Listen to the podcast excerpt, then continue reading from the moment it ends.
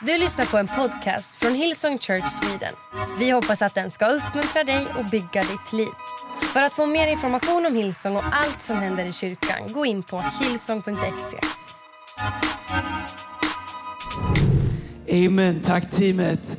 Hej, varsågod och sitt på alla campusar. Men jag ska dela ett Guds ord. Jag, eh, jag landade igår kväll. Jag har varit eh, i USA i några veckor. Haft lite semester men också jobbat mycket på olika ställen. Jag var i Tulsa i veckan som var eh, och jobbade. Och eh, om du ska ha ett gott råd, om du någonsin flyger via eh, Charlotte, North Carolina och tänker tanken att du ska äta någonting snabbt på ett litet ställe som ligger bredvid gaten. Och du väljer att köpa uh, uh, shrimp taco, alltså taco med, med uh, räkor i. Så gör inte det. Risken att man får salmonella är typ eh, 10 av 10. Eh, vilket jag har haft hela veckan. Så om du tycker att jag är lite rosslig i halsen och verkar lite torr i munnen så beror det på att jag inte ätit någonting på en vecka. Utan jag har haft salmonella. Det är lugnt, det smittar inte säger de. Max första tre raderna sa de, men efter det så är det helt lugnt. Så, eh, så jag, jag ska predika så länge jag orkar. Vilket eh, är säkert en 10, 15, 20, 30 minuter ett tag framöver. Men lyssna, jag har ett ord som jag vill dela. Okay? Kolla här, i Markus kapitel 4, vers 35. Så, eh, så står det så här, världskänt bibelställe. Jag har predikat om det många gånger tidigare. Men låt oss läsa det. Jesus han säger till lärjungarna, de har haft en dag full av mirakler, de har gjort massa grejer. Lärjungarna har sett Jesus göra alla möjliga amazing grejer. Alla möjliga har fått sina eh, behov mötta. Han har helat sjuka, han har, eh, eh, re, han har öppnat ögon, han har gjort alla möjliga saker. Och så är liksom slutet på dagen så, så säger Jesus till lärjungarna, säger Markus 4 och 35. När det blev kväll sa Jesus till sina lärjungar, kom så åker vi över till andra sidan sjön. De lämnade då folket och åkte över i den båt där Jesus redan satt. Alltså jag fattar exakt hur Jesus sa det. Så Jesus säger, kom så åker vi över till andra sidan sjön. Så står att lärjungarna de lämnar och börjar komma och Jesus satt redan i båten. Han var redo att åka. Come on, som story of my life. Jag har en fru och två döttrar. Tro mig, jag är den som redan sitter i båten. Så jag fattar Jesus säger, kom on, kan vi åka någon gång här? Kan, ni, kan, vi komma in i, kan ni komma in i båten så vi kan åka över? Jesus han somnar ju också här, ska vi läsa strax. Att han, han ville liksom iväg, han ville sova. Han ville över till andra sidan. Flera andra båtar följde också med. Men då blåste en våldsam storm upp och höga vågor slog i båten så att den fylldes nästan helt av vatten. Jesus själv låg och sov i båtens akter med huvudet mot en kudde. Men hans lärjungar väckte honom och sa, Mästare, märker du inte att vi håller på att förgås? Det betyder alltså dö och gå under. Då reste han sig upp och talade strängt till vinden och sjön och sa, Tig, var tyst. Och genast la sig vinden och det blev alldeles lugnt. Sedan frågade han sina lärjungar, varför är ni rädda? Det är en vettig fråga ändå. Jag menar, Genesarets sjö, de säger det kan blåsa upp, men så stor är den inte. Och de är faktiskt fiskare de flesta av dem. Och Jesus är i båten. Och faktum är att man kan nästan se land från båda, båda sidorna av Genesarets sjö. Alltså det är inte så som att när du vet, vikingarna skulle åka till USA första gången. I en båt, vikingabåtar utan köl som är ganska grund. Utan, men visst, det blåser upp där. Och de var rädda. Men han säger tig var tyst och genast la sig vinden. Sen frågar han sina läkare varför är ni rädda? Har ni fortfarande svårt att tro? Faktum är att grundtexten säger, har ni ingen tro? Alltså Jesus han säger att det hade inte behövts mycket tro för att inte freaka ut här. Men det verkar inte som att ni har mycket tro. Förskräckta sa de till varandra, vem är han som till och med vinden och sjön lyder? Well, i den här storyn så säger Jesus till dem det som är det viktiga. När de sätter sig där så säger Jesus till dem, kom så åker vi över till andra sidan sjön. Och när de börjar åka där, och jag vill inte måla ut den här, det är ingen söndagsskollektion, men när de börjar åka där så, så börjar det blåsa upp och vatten kommer in. Jag kan tänka mig lärjungarna att de är där och de öser vatten för fullt. Och Petrus och Andreas alla möjliga öser vatten. Och någon säger, hej, han är Jesus. Hur kan han ligga och sova? Vad är han ens för Messias? Här öser vi vatten, vi håller på att sjunka, vi kämpar med allt vi har. Men Jesus, han ligger bara ner och sover. Jag vet inte om du har varit där någon gång i livet där du känner, du öser alltså vatten så mycket du kan. Du gör allt du kan för att hålla vågorna stången. Du gör allt du kan för att kämpa emot omständigheter. Du tar ett steg i tro som är bra. Helt plötsligt får du ett sjukdomsbesked. Helt plötsligt får du knas på jobbet. Helt plötsligt så strular det i företaget. Och det känns som att även när du försöker följa Jesus så känns det som att du får lägga all din tid på att ösa vatten ur båten. Och till slut så säger du, var är den här Jesus någonstans? Var är, var är det han sa att han skulle göra? Vad, vad, vad är de här bönesvaren som han pratar om? Vad, vart är det här som vi ber om i Pray and Welcome? Vart är det här som Jesus sa? Hur kan Jesus sova? Hur kan Jesus sova rakt på mina behov, rakt genom mina behov? Jag ber, jag ger, jag fastar, jag är med i team, jag är med i två connect-grupper, jag går på förmiddagsmötet, kvällsmötet. Jag vet ingen här som gör det, men det kunde vara. Ändå så öser jag vatten. Ändå så får jag lägga all min tid på att ösa vatten ur båten. Det som händer är en av två saker. Eller möjligtvis tre. Det ena är vi öser vatten till vi inte orkar mer så ger vi upp och hoppar i sjön själva och dränker oss. Det är lika bra. Drastiskt men alltså bild, bildligt talat. Det andra är att vi börjar förhandla om vår teologi. Kanske det är så här det ska vara. Det är nog meningen. Han kanske inte menade han sa när han sa att vi ska till andra sidan. Kanske andra sidan var en bild på något annat. Kanske andra sidan var en metafor för någonting som vi inte vet eller förstår. Sweet by and by.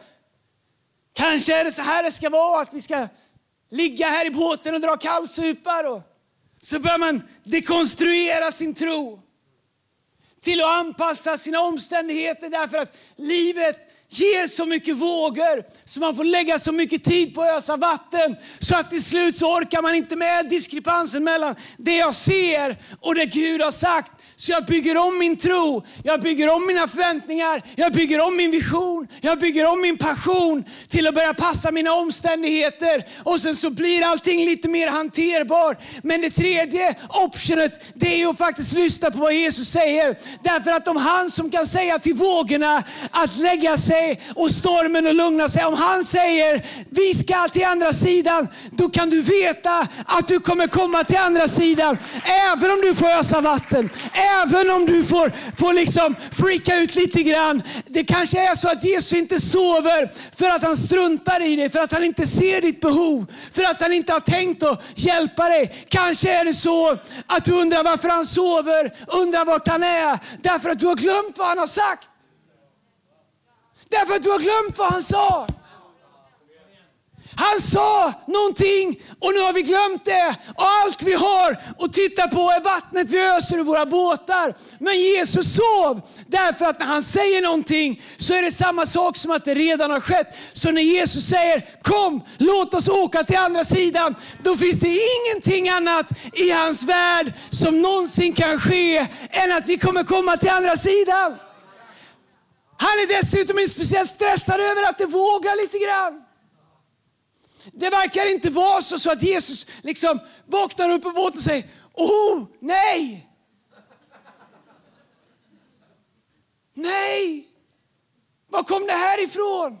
Hur ska det här gå? Vad blir det nu? Det vågar till i livet.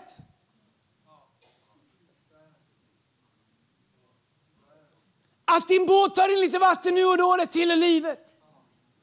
Att vi får ösa för blotta livet ibland, det tillhör livet. Men om Jesus har sagt att vi ska till andra sidan min vän, då är det det som gäller. Då är det andra sidan vi kommer till, så när de väcker Jesus och Jesus ställer sig upp och, och stillar vinden och säger till allting och lugnar sig, så är det inte för att han är nervös. Det är för att lärjungarna är så nervösa. För att de hade lättare att tro på ett stilla vatten än vad de hade att tro på att Jesus sa att de ska till andra sidan. Problemet för oss är att vi har lättare att tro på omständigheter än vad vi har att tro på vad Gud faktiskt har sagt. Jag säger igen, vi har lättare att tro på omständigheter vi kan förstå än vad vi har att tro på det som Gud redan har sagt. Jag lovar en sak, det Gud har sagt det kommer bestå. Vet vad som kommer och går som vågor? Trender kommer och går. Det som är modernt kommer och går. Passion kommer och går. Människors vision kan komma och gå. Men det Gud har sagt det kommer alltid att bestå. Och vill du bygga ditt liv på någonting som kommer ta dig till andra sidan, då är det Guds ord. Då är det vad Gud har sagt. Det kan vara populärt populärt ibland, det kan vara impopulärt ibland. Det kan vara liksom eh, coolt ibland, det kan vara icke coolt ibland. Du kan vara eh, någon som alla vill ha med att göra ibland. Och du kan vara den jobbigaste, du kan vara som en hemorrojd på en cykelsemester ibland. Ingen vill ha med dig att göra. Men jag lovar dig en sak, Gud kommer bekänna sig till det han har sagt och vi kommer se i våra liv det som Gud har lovat. Om vi tror att när han säger att jag kommer ta er till andra sidan. En del av oss vi har blivit så upptagna med att ösa vatten ur våra båtar. Att vi har glömt vad han sa. Lärjungarna med dig Jesus, vi har precis sett dig hela sjuka. Vi har precis sett dig göra mirakler. Vi har precis sett dig göra de här sakerna. Och nu har du tagit oss i en båt hit där vi håller på att sjunka. Varför? Varför är vi här och öser vatten? Vi är mitt i en storm. Vi har fullt upp med ösa vatten och Jesus, du har gått och lagt dig och sover. Jag kände någon gång som att Jesus har gått och lagt sig och sover. vi kämpar på här och vi grejar och vet inte var han gick och la sig någonstans. Känns som man inte har sett honom på en stund, men jag lovar dig. Det är bättre att ha Jesus sovande i en båt mitt i en storm än att vara i en båt på blankt vatten som Jesus inte är i. Alla dagar i veckan säger är jag hellre mitt i stormen så länge Jesus är i båten. Vet, förr så sjöng vi en låt som hette Med Jesus i båten kan man le finns inga söndagsskolebarn här hör Med Jesus i båten kan man le mitt i stormen när jag seglar hem. När jag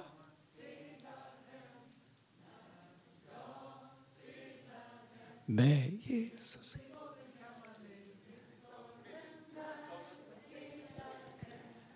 En del av er, ni, ni bara vart jag kommer någonstans, vart är det här?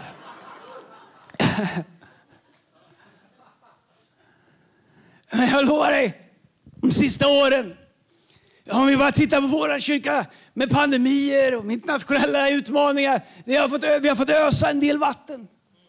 Vi har öst, jag i mitt eget liv, jag har öst en del vatten de sista åren. Men jag lovar dig en sak. Gud har fortfarande sagt vad Gud har sagt. Andra sidan är fortfarande andra sidan. Gud ändrar inte sin vision med ditt liv bara för att det vågar lite grann eller för att det börjar skvätta in vatten. Gud kan inte backa på vad han har sagt. Come on somebody, någon borde vara excited över det. Annars åker jag tillbaka till USA och predikar det. Gud kan inte backa på vad han har sagt.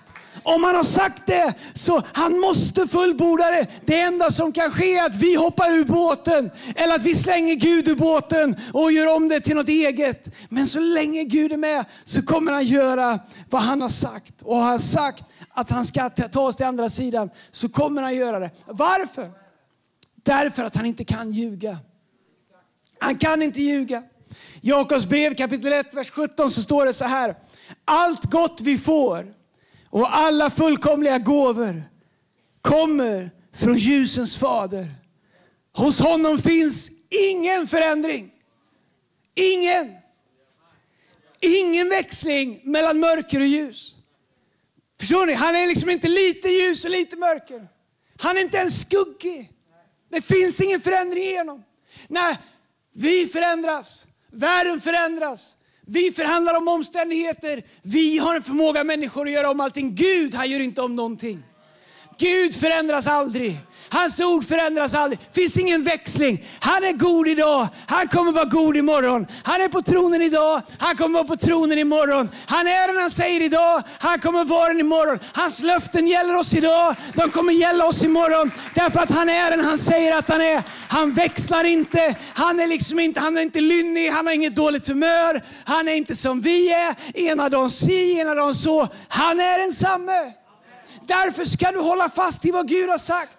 Därför kan du veta att vatten i båten är ingen fara så länge Jesus är i båten. Men om du inte har Jesus i båten, då har du större utmaningar än att du håller på att sjunka. Därför så är det avgörande i våra liv att vi gör det Gud säger och att vi åker dit han säger att vi ska åka. Därför att det är dit han kommer ta oss. Han säger att det finns ingen växling mellan mörker och ljus.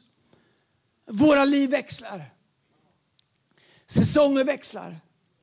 Hälsa växlar. Vishet växlar. Vision växlar. Men det finns ingen växling i Gud. Han växlar aldrig. Han är densamme. Men vad var det Gud sa till dig att göra?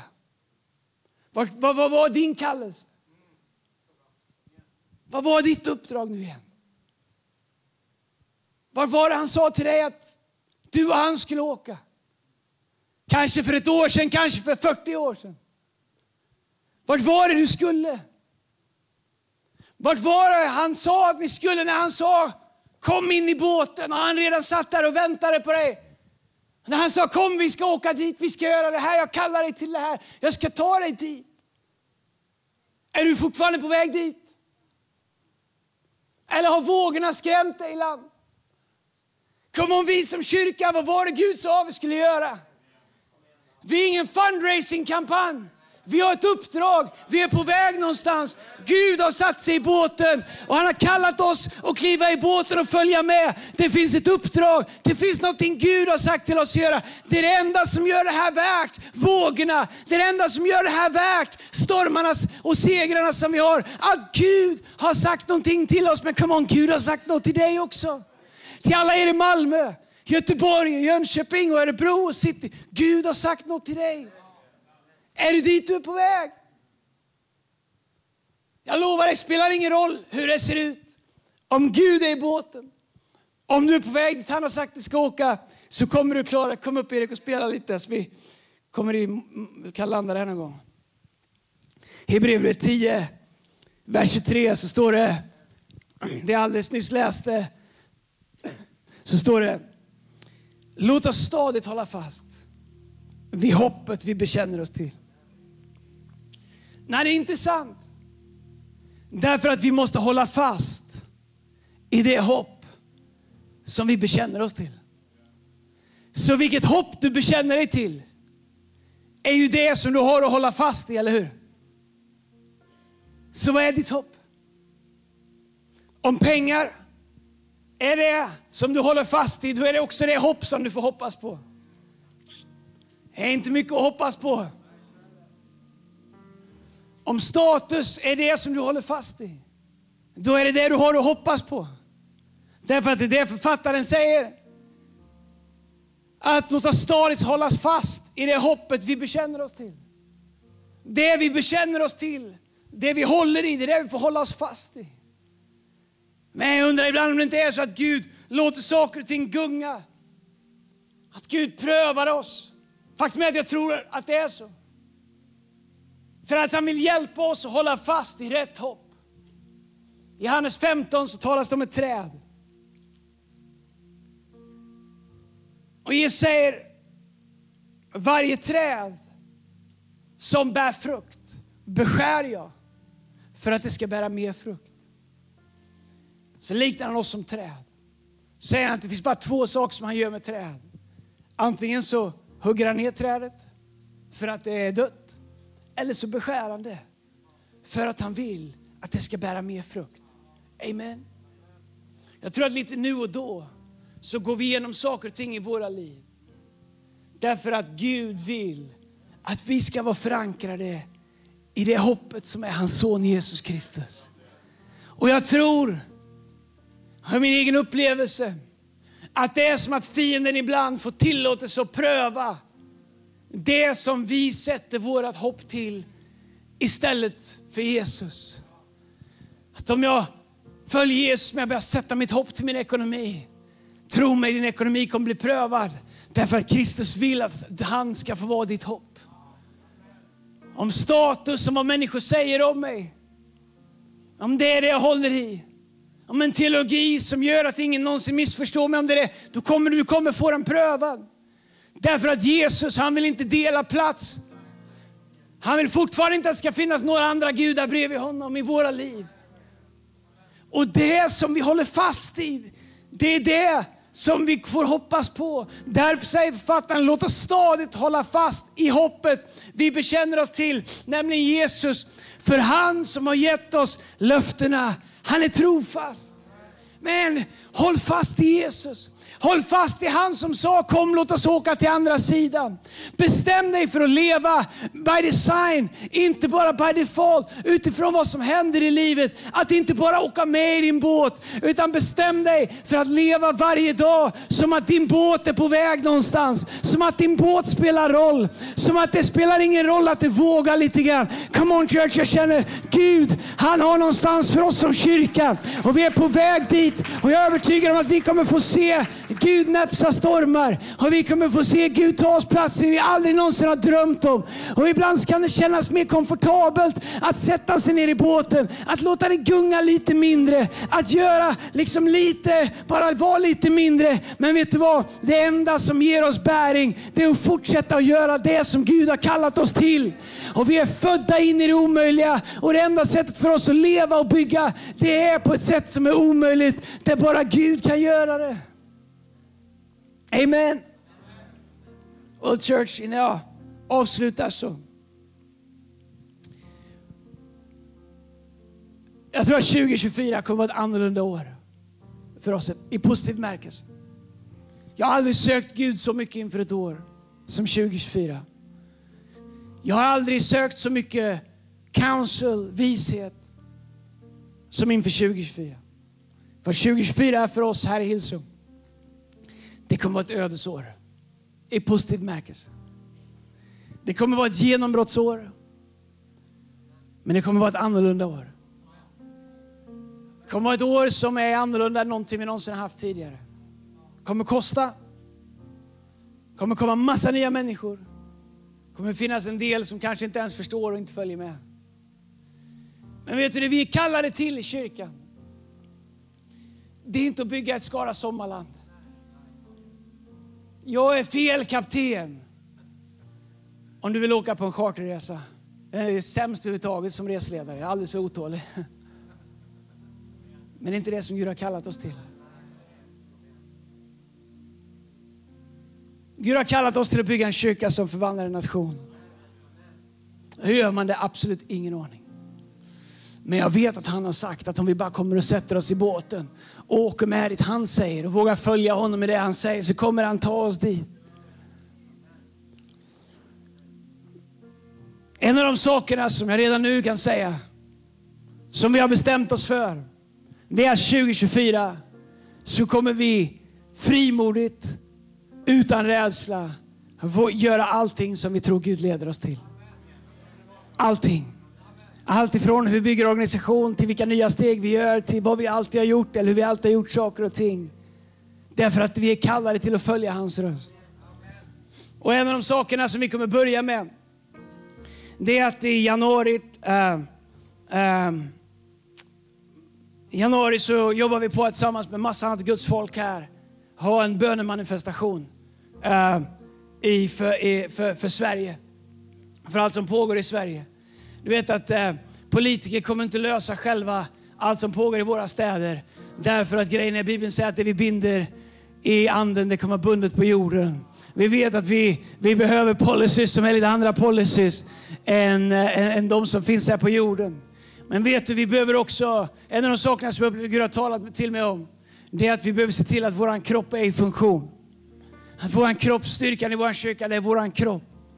Du kommer höra så mycket under nästa år om hur du kan hitta dina andliga gåvor, hur du kan komma i funktion i dina andliga gåvor, hur du kan upptäcka vad Gud har kallat dig till, vad han har lagt i ditt liv, hur du kan upptäcka dem, hur du kan börja använda dem. Det allmänna prästadömet, det här kommer inte vara en kyrka där jag står och hetsar på er och ni är med, utan Gud har kallat, kallat oss som kropp att vara i funktion, att oss som kropp att använda våra gåvor. Så vi kommer göra saker vi alla gjort tidigare under våren och den första saken vi kommer göra är att vi kommer inte göra revival night i januari som vi hade tänkt, som vi trodde att Gud ledde oss till eller som vi, eftersom vi alltid gjort tidigare. Utan vi kommer göra något annat i år. Uh, och jag är övertygad om att det är Gud. Så alla på alla våra camps, ni som hör mig nu, revival nights i år kommer inte att ske som vi hade tänkt. Nej, vi kommer att ha revival meetings och revival. Men istället så kommer vi göra om de datumen till någonting som vi kallar för team conference. Vilket är att istället för att hela vår kyrka gör någonting för alla andra kyrkor så vill vi ta den helgen till att rusta alla i vår kyrka istället. Det kommer komma hit talare och vi kommer bygga våra team. Vi kommer bygga in i våra team eh, alla våra volontärer, alla våra connect-grupper. Eh, de kommer vara prime. Vi kommer prata om andliga gåvor, hur vi kan frigöra dem, hur vi kan komma i funktion, hur vi kan ge bättre resurser. Därför att vi har insett att vi behöver styrka vår kropp ännu mer om vi ska kunna göra allt det som Gud har för oss 2024. Så vi kommer göra This is Christmas. Det är, det är Sveriges största outreach i år by far. Men Team Conference kommer vara istället för Revival Night i år. Det kommer talare, det kommer vara helt otroligt. Jag lovar dig, det kommer vara både i Stockholm och Göteborg. Vi kommer göra det parallellt.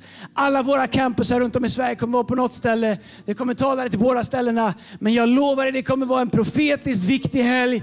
Eh, och den kommer bygga rakt in i alla i våran kyrka. Den kommer rusta dig som en del av våran kyrka. Det kommer tillfällen när vi gör saker för Guds rike, när vi gör saker för andra kyrkor. Men den här helgen är så att Gud kan få göra saker i ditt liv. Rusta dig, göra dig redo. Och det har krävts ganska mycket för att göra om det. Och jag vet att jag har sagt att vi ska göra Revival Night. Men vet du, det är en del av det jag har bestämt mig för. Om vi upplever att Gud hjälper oss att förstå bättre än vi gjorde först, så kommer vi inte vara stolta, utan vi kommer följa Gud i det som vi tror att han kallar oss till. I Jesu namn. Därför så håll ögonen öppna. Det här kommer bli en av de bästa helgerna vi har haft sedan vi startade vår kyrka. Och den är till för dig min vän, för din kallelse, för din funktion, för dina gåvor och för det som Gud har lagt över ditt liv. Jag vet, vi vill vara en kyrka som gör saker som är omöjliga. Du vet, det här vi samlar in i Heart for the House, det är otroligt. Och jag inser för, i min, för min egen del, jag sitter 10,9 miljoner, det är ofantligt mycket pengar. Hur man än ser på det. Men när man tittar på det vi gör som kyrka så är det inte ofantligt mycket. Det är fantastiskt mycket. Men det, det, det räcker en bit. Men det är inte så att om du tänker nu har vi gott om pengar, nu kan vi sätta oss tillbaka. Nej, vi har inte, all, vi har inte ens så det räcker. Inte för att göra det Gud har kallat oss till. Vi kommer alltid behöva leva i tro. En del av This is Christmas använder vi Heart for the House till såklart. Men i år så gör vi så mycket mer än vad vi någonsin har gjort tidigare. Det kräver tro. Men jag vill leva ett liv där vi sätter oss i båten med Gud och han säger, följ med oss, det finns en andra sida. Jag fick några siffror här, sorry jag, ska, jag vill bara läsa dem, över vad vi står i tro för att göra. Dela ut 875 matkassar, dela ut 500 varma tröjor, dela ut 1000 julklappar, ge 3000 biljetter, jag håller på att titta på, göra en stor reunion i Stockholm för ukrainare som är utspridda i hela norra Europa. Uh, vi drömmer om att uh, kunna ge bort massa, massa biljetter på våra carols of Christmas till människor som behöver det. Vi har fått en möjlighet att ge till ungdomar som sitter inlåsta på SISEM en julgåva till ungefär 800 ungdomar. Vi kommer sätta ihop ett fint paket med dem, med lovsång, med anteckningsböcker. De kommer få Linas bok Välkommen in. Och eh, Vi vill göra de här sakerna. Alla de här sakerna som jag precis räknar upp för er kostar 2,4 miljoner och de är inte en del av Heart for the House. Tänk Andreas, det är helt galet. Och jag håller med dig, lite galet är det faktiskt. Men vet du vad? Antingen är vi den kyrkan eller så vet jag inte vad vi är. Nej, vi kommer bara göra vad vi kan. Men vi står i tro för att Gud kommer ge det här till oss. Att det finns människor runt om i Sverige. Och även om jag känner när jag läser här att vågorna slår mig i ansiktet. Så är jag övertygad om att om Gud är i det här så kommer Gud hjälpa oss att göra det här. Därför att det är det som Gud har kallat oss till. Okej, låt mig avsluta med det här. Han som har gett oss löftet är trofast. I Markus kapitel 5, vers 1 så kommer Jesus. Välkänt bibelställe. Och det är en man han är besatt av. Så mycket demoner. Och han blir väldigt, väldigt perplex när Jesus kommer och det står i Markus kapitel 5, vers 1. Jag går mot avslutning. Så kom de över till andra sidan sjön. Uh, till området kring Gerasa. Det här är ju alltså precis efter att de åkte över sjön. Det är intressant, jag önskar jag hade haft mer tid, men jag får så kort om tid nu för tiden. Jag bestämmer inte längre för att predika längre. Men det man kan se här, det är att de åker i båten över sjön. De blir så rädda på sjön att de ska sjunka, så att de freakar ut, tappar konceptet. Men kolla, det första när de kommer till andra sidan sjön, vad som händer i Markus 5. Så kom de över till andra sidan sjön, till området kring Gerasa. När Jesus steg ur båten kom en man emot honom från gravplatsen. Han var besatt av en oren ande och levde bland gravarna. Numera gick det inte att binda honom ens med kedjor. Han hade flera gånger försökt binda både, de hade flera gånger försökt binda både hans händer och fötter, men varje gång hade han slitit sönder kedjorna och fotbojorna. Ingen kunde rå på honom. Dag och natt höll han till bland gravarna eller uppe bland bergen och skrek och skar sönder sig själv med stenar. Mannen hade fått syn på Jesus redan då han var långt borta. Intressant, hade jag haft bibelstudier så jag pratat om att lärjungarna kunde inte ens se Jesus som den han var när han låg bredvid dem i båten. Men en man som är besatt av orena andar, han ser Guds son på avstånd långt innan han ens har kommit. Och han kom nu och rusade och föll ner för honom. Lämna mig i fred, Jesus, du den högste Gudens son. Wow, vilken bekännelse! Det är lite skillnad på lärjungarnas bekännelse i båten som är med Jesus och en demonbesatt man som kommer till Jesus. När han må vara besatt, men han vet vem det är som har kommit in i hans närvaro. Tro mig. Lämna mig i fred Jesus, du är den högste Gudens son. Du vet, det är någonting när de demonbesatta behöver börja tillbe Gud för att lärjungarna är alldeles för shakiga. När de som är bundna av demoner börjar bekräfta vem man är med hög röst. Men vi som är bär hans namn. Vi börjar tystna. När Jesus säger om de slutar så kommer jag se till att stenarna börjar ropa. Därför att han har ett namn som alltid är värt att bekännas och lyftas upp. I Jesu namn. Svär inför Gud att inte plåga mig, skrek han. För Jesus hade just befallt, far ut ur mannen, du orenande. Jesus frågade nu, vad heter du? Han svarade, jag heter Legion, för vi är många. När han lyssnar så att du förstår vad som precis händer. Vi ska alldeles strax sjunga den här sången i en lovsångstimmet. Ni kan komma upp. Han svarade, jag heter Legion, för vi är många. En legion är mellan 4200 till någonstans kring 6000. Det är en legion. 6000. Han säger precis att han har 6000 demoner i sig. Säger jag tror inte på demoner, säger du. Nej, då säger jag läs tidningen. 6 000 demoner. Jag menar, då är man hyfsat besatt, eller hur? Han är liksom inte bara kanske, eventuellt lite betryckt. Han säger själv, min namn är Legion för vi är många. 6 000. Hur man än ser på det, karn är besatt. jag vet, så fort man pratar om det här så blir en del lite nervösa. Oh, det är läskigt. Det är inte läskigt. I namnet Jesus. Vi är han som kommer gående, som han freakar ut inför. Vi bär samma namn, eller hur? Vi är hans barn. Men här är vad som händer. I den engelska, vi läste i den svenska översättningen att det stod att redan när Jesus var långt borta kom nu mannen rusade och föll ner inför honom. Vet vad den engelska översättningen säger? Och vet vad grundtexten säger? Jag har kollat det här noggrant. I New King James version så står det så här. When he saw Jesus from afar He ran and worshipped him. Varför har jag inte det här uppe? He ran and worshipped him. Hör det här. Nej. Bibeln säger, grundtexten säger att den här mannen när han fick se Jesus, så står det att han sprang till Jesus och började tillbe Jesus. Men jag undrar vad det är som gör att inte ens 6000 demoner kan hindra en person från att tillbe Jesus. Om namnet Jesus och hans närvaro är så starkt att när han uppenbarar sig att till och med en man med 6000 demoner, inte ens en legion av demoner kan hindra honom från att falla ner vid hans fötter och tillbe Jesus. Jag undrar, vad är det i mitt liv som hindrar mig från att tillbe Jesus?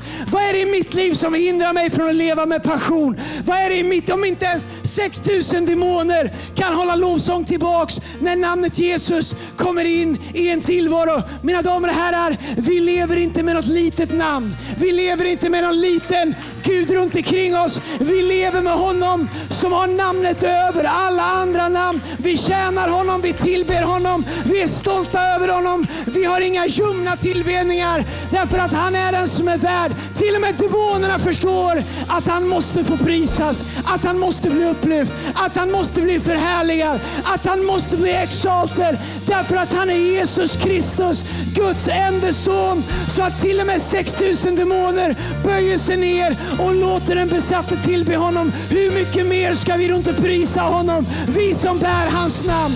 Hur mycket mer ska vi då inte ära honom, vi som bär hans namn? Vad ska få hindra oss att tillbe honom? Vad ska få hindra oss att lyfta upp hans namn? Oförrättelse ska aldrig få hindra oss. Inget ska få hindra oss därför att han är värdig våran lovsång. I Jesu namn, kom on om du tror det. Sjung det här. Du har lyssnat till en podcast från Hillsong Church Sweden. Om du vill veta mer om vår kyrka eller om våra söndagsmöten surfa in på hillsong.se.